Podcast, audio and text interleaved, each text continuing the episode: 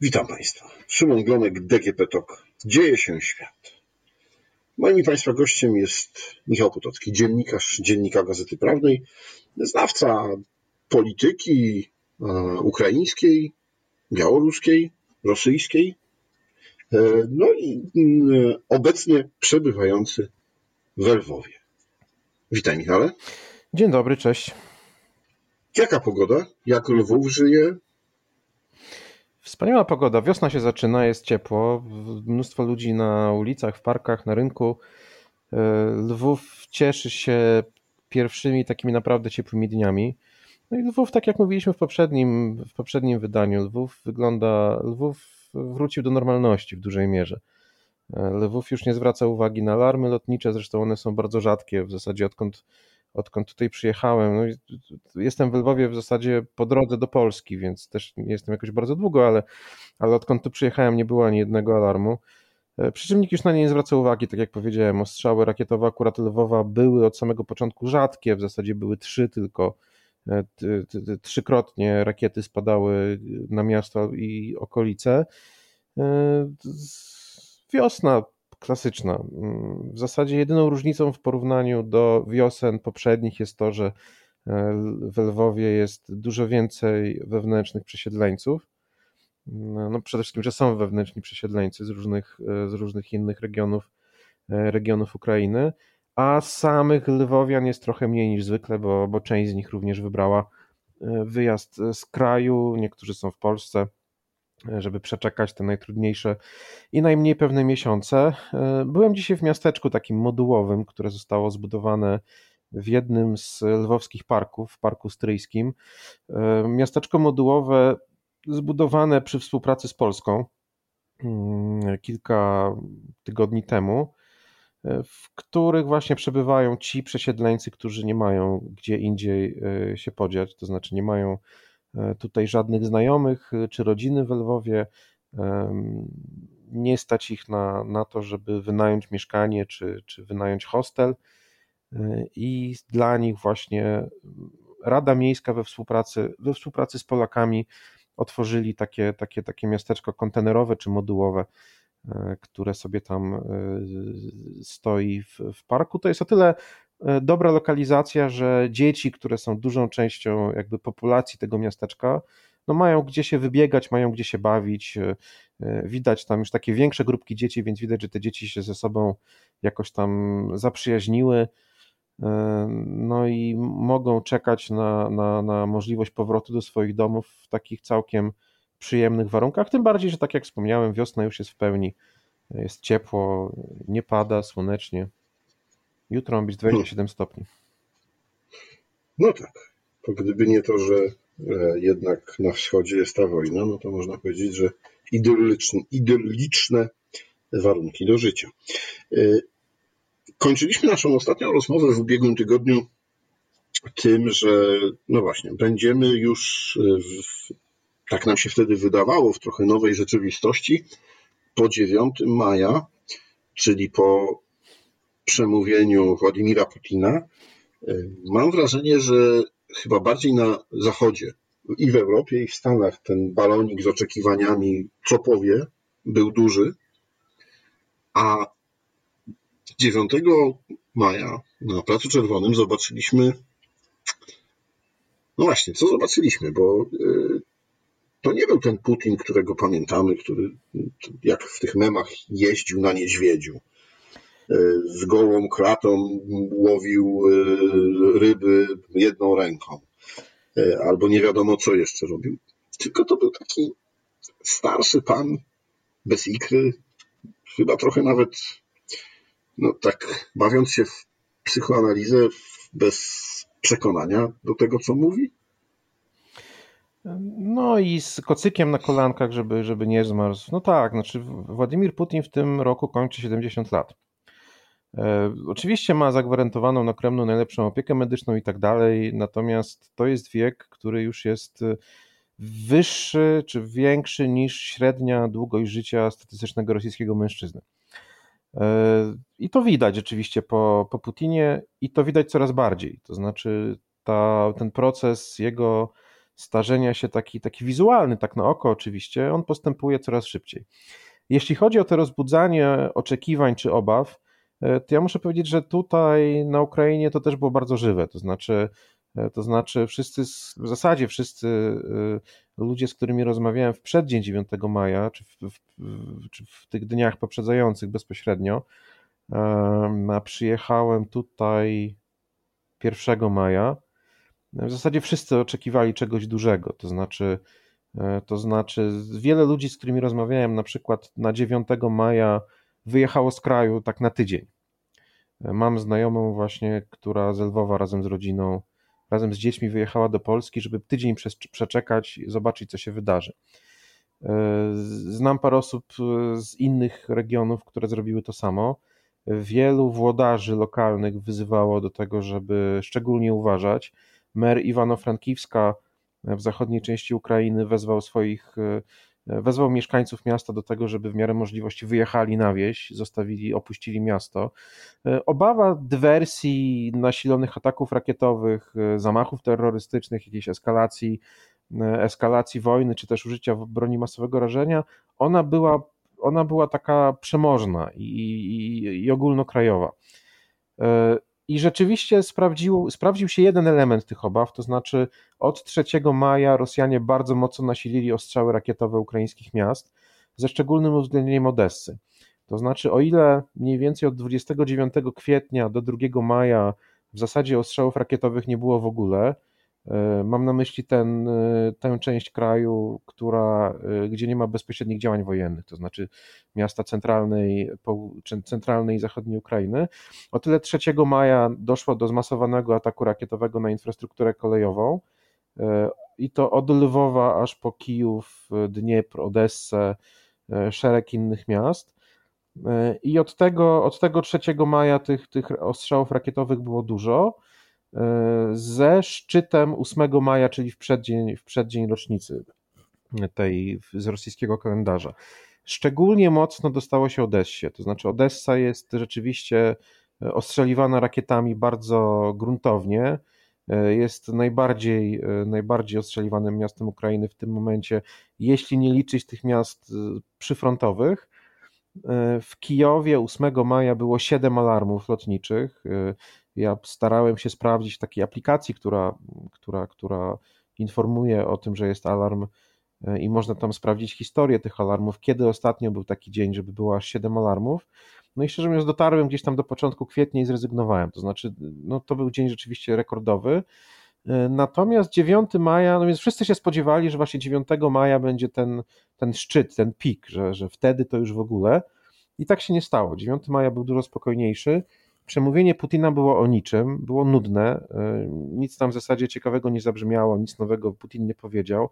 Z jednej strony to dowodzi tego, że, że to już nie jest, e, e, że ten obóz władzy rosyjskiej nie ma już nic do zaoferowania, szczerze mówiąc, nowego w sensie ideologicznym czy, czy jakimś modernizacyjnym.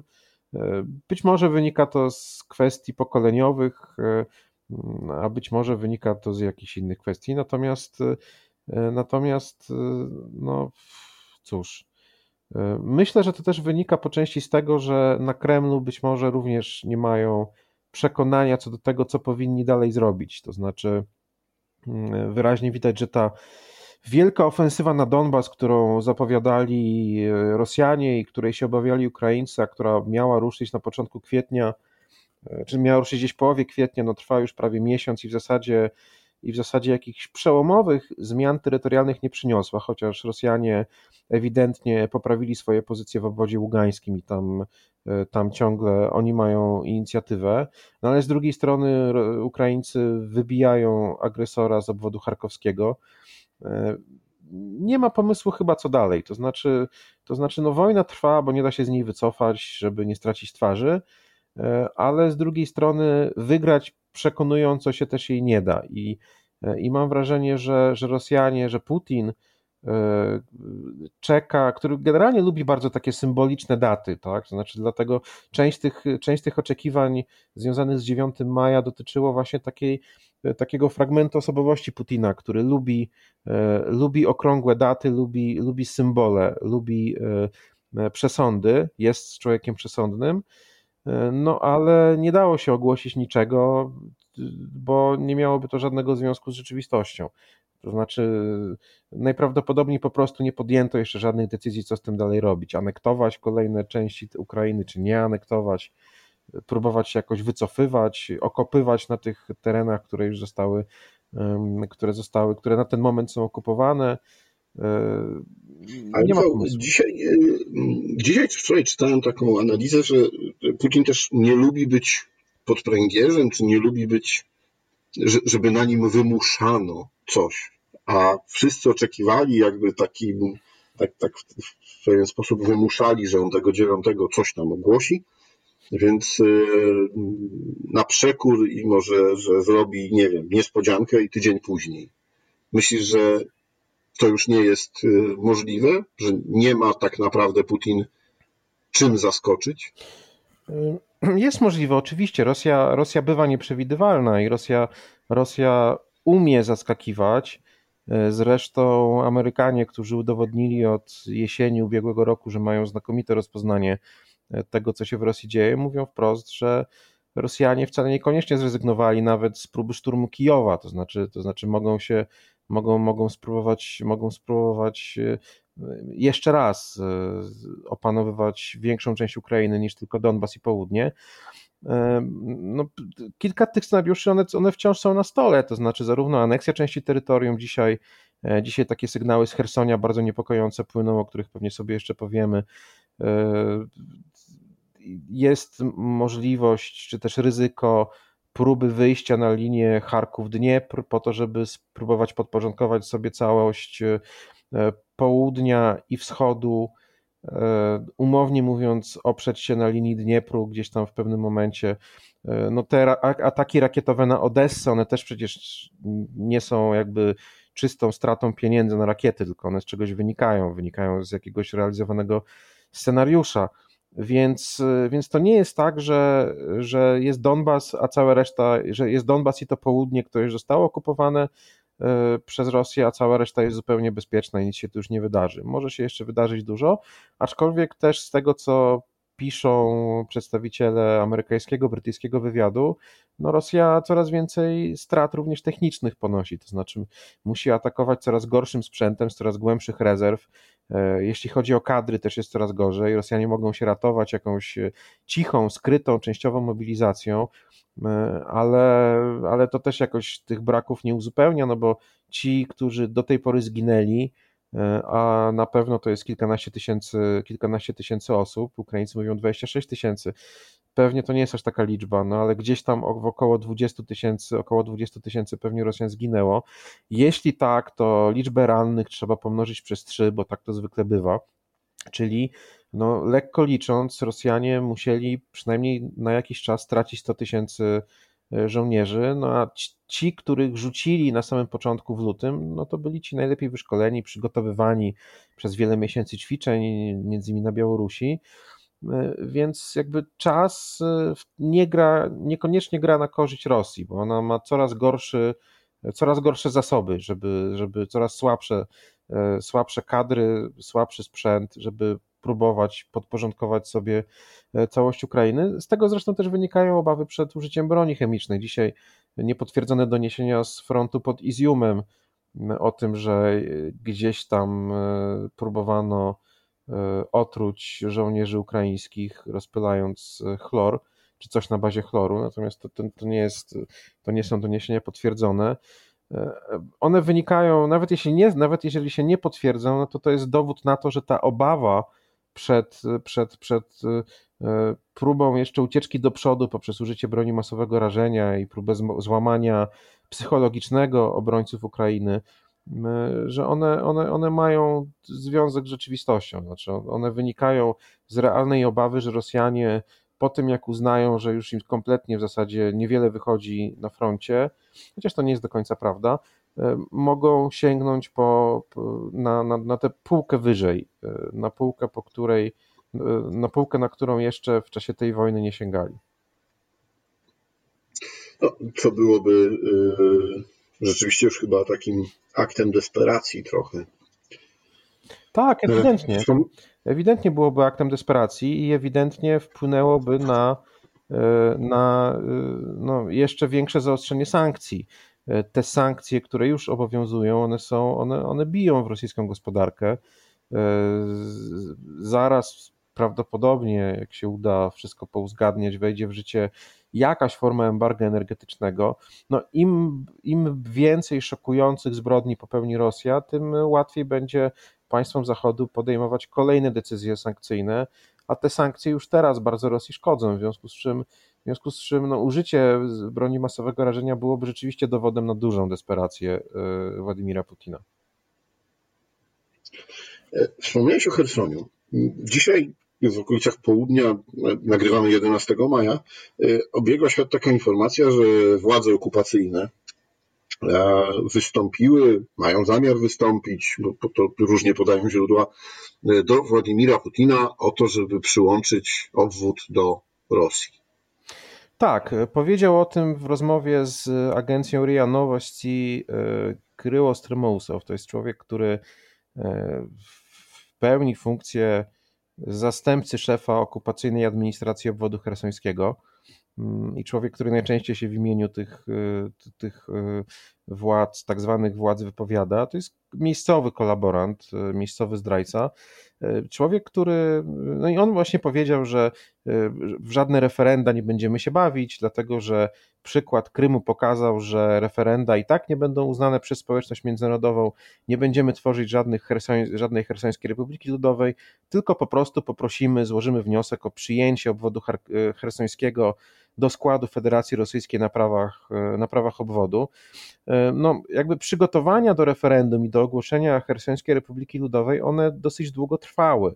E, najprawdopodobniej nie udało się znaleźć wystarczającej liczby kolaborantów do tego, żeby ten referendalny teatrzyk zorganizować, no bo tam mimo wszystko jest potrzebna określona liczba ludzi, żeby tam siedzieć w komisjach, udawać, prawda, organizowanie plebiscytu i tak dalej, i tak dalej. No trzeba zapewnić jednak miejsca, miejsca, do których będą zganiani ludzie, żeby oddać głos. E, najprawdopodobniej po prostu nie udało się znaleźć wystarczającej liczby E, liczby osób, albo uznano, że, e, że mieszkańcy obwodu hersońskiego nawet zachęcani jakimiś dodatkowymi, nie wiem, racjami żywnościowymi czy czymś takim, e, nie zapewnią obrazka dla rosyjskich kamer telewizyjnych, czy po prostu nie przejdą do lokali wyborczych. Najprawdopodobniej uznano, że nie ma sensu się bawić w, w taką tradycyjną dla Rosjan zabawę w referenda, Takich referendów było całe mnóstwo. Krym jakby jedna sprawa, ale były też podobne plebiscyty w Doniecku, w Ługańsku, w Osetii Południowej, Naddniestrzu, Abchazji, można, e, można wymieniać. E, uznano, że Hersoń mm, albo jest zbyt ryzykownym miejscem, albo już nie ma, po tym co się stało 24 lutego, nie ma co się już bawić w, w, w udawanie demokracji e, i albo już zapadła decyzja o tym, że Hersoń zostanie włączony do Federacji Rosyjskiej, albo jest to jakaś kolejna forma wojny informacyjnej i równie dobrze może się nic nie wydarzyć. Natomiast, natomiast no jest to symptomatyczne na pewno.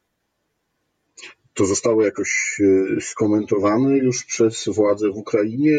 Jakoś odnieśli się już do tego, czy tak, no, no, oczywiście podkreślono, że nie ma to żadnego, y, y, że jakby nie ma żadnych podstaw prawnych do tego, żeby organizować plebiscyty tego typu, że będzie to y, nielegalne nie tylko w świetle prawa ukraińskiego, ale też w świetle międzynarodowego prawa e, wojennego, które zakazuje państwu okupantowi zmiany, zmiany granic, czy też anektowanie obcych terytoriów okupowanych, ani czy też, czy też zmiany ich granic administracyjnych, to znaczy okupant nie ma prawa ingerować e, w granice administracyjne terenów, które okupuje. E, no i tyle. I, i oczywiście gdzieś tam przy okazji płyną sygnały, że, że Michał Podolak, doradca, doradca prezydenta Władimira Załęskiego, napisał na Twitterze, że jedyne o co może wnioskować Stremousow, czyli ten zastępca okupacyjnej administracji, to ewentualnie o warunkowe złagodzenie kary podczas swojego procesu. No i to mniej więcej tego typu podejście władz ukraińskich, y,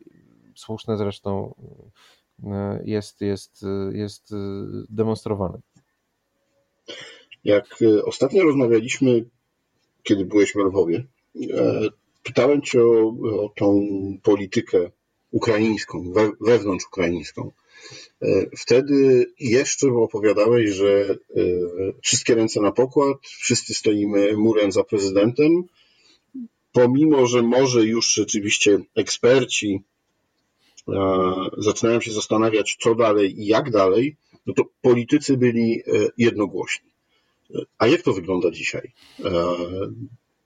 Jest jakaś zmiana, jakieś rzeczy związane z wewnętrzną polityką zaczynają już dzielić?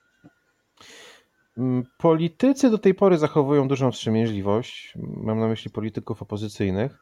Natomiast z ich otoczenia zaczynają, zaczynają dochodzić głosy e, krytykujące, wytykające władzom błędy, poważne błędy, e, poddające, poddające wątpliwość niektóre decyzje, oskarżające o, o upolitycznianie pewnych kwestii, które nie powinny być upolityczniane, zwłaszcza, zwłaszcza w czasie agresji.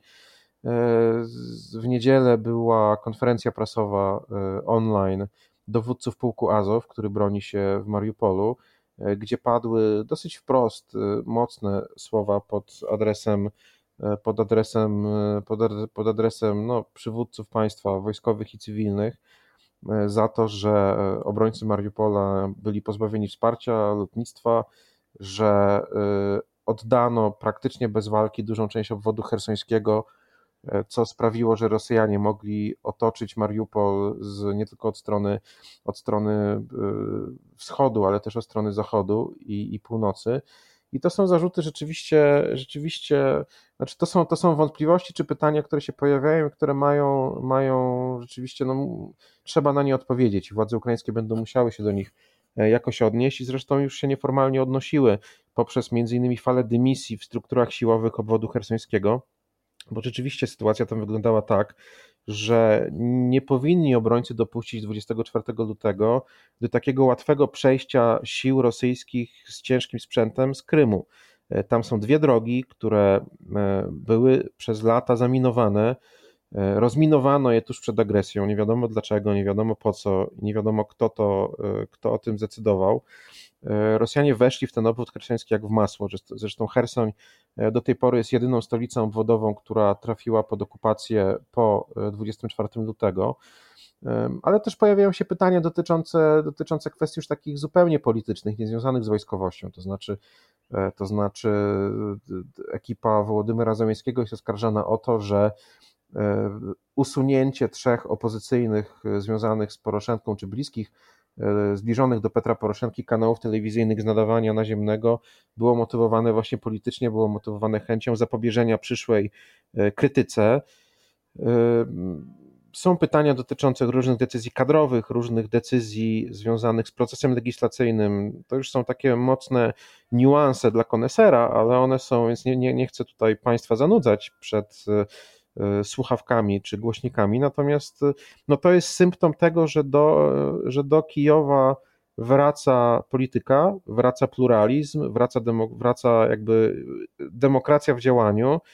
E, to jest z jednej strony zjawisko o tyle pozytywne, że świadczy o tym, że stopniowo, stopniowo na Ukrainę wraca pewna normalność. To jest oczywiście nowa normalność w nowych warunkach E, ale jednak te procesy, normalne procesy polityczne zaczynają wracać. Jakby e, i ta, ta, ta jedność, ona była, e, ona, ona odegrała swoją bardzo pozytywną rolę, zwłaszcza na początku obrony, no ale ona nie mogła trwać wiecznie. Ukraina jest państwem, jest państwem o chwiejnej, ale jednak demokracji, jest państwem pluralistycznym, jest państwem o różnych obozach politycznych i, i no, ta jedność trwać wiecznie nie mogła a i tak trwa bardzo długo i tak w zasadzie jeszcze do pewnego, do pewnego stopnia jest utrzymywana, bo większość na przykład y, ustaw y, przechodzi przez Radę Najwyższą prawie że jednogłośnie, prawie że przez aklamację, na pewno większością konstytucyjną. Wcześniej te ustawy są uzgadniane między przedstawicielami klubów parlamentarnych na takiej specjalnej Radzie Uzgodnieniowej, y, więc ta jedność ona jest daleko idąca do tej pory, a krytyka rzeczywiście zaczyna się zaczyna się pojawiać i przedstawiciele prezydenta zaczynają publicznie się do niej odnosić. E, myślę, że pod pewnymi względami to jest nawet korzystniejsza sytuacja niż takie sztuczne udawanie, że, e, że wszystko jest w porządku. No, krytyka jest solą demokracji, aczkolwiek wiadomo, że trzeba ją w sytuacji wojennej stosować z dużym umiarem i z dużym, dużym, dużym poczuciem odpowiedzialności. Mam wrażenie, że na razie zarówno większa część komentatorów, jak i, jak i klasa polityczna ten egzamin, ten egzamin zdaje. Zobaczymy, co będzie za miesiąc, dwa, sześć. Ale na razie, na razie jest chyba pod kontrolą. No dobrze, to chciałbym, żebyśmy przeskoczyli trochę do polityki e, rosyjskiej jeszcze, bo otóż e, pojawiają się doniesienia, że kolejni gubernatorzy e, podają się do dymisji albo mówią, że nie wystartują w najbliższych wyborach. Czy to jest tak, że Władimir Putin ma, będzie, będzie miał kłopoty z obsadzeniem tych stanowisk? Czy to jest tak, że ci ludzie zaczynają się mm, przeciwstawiać carowi? E, no właśnie, i czy to może być jakąś zapowiedzią, nie wiem, demontażu Rosji, rozpadu? E, no to jest ciekawe pytanie, na które jeszcze nie ma, e, nie ma jednoznacznej odpowiedzi z tego względu, że nie znamy prawdziwych przyczyn tych dymisji.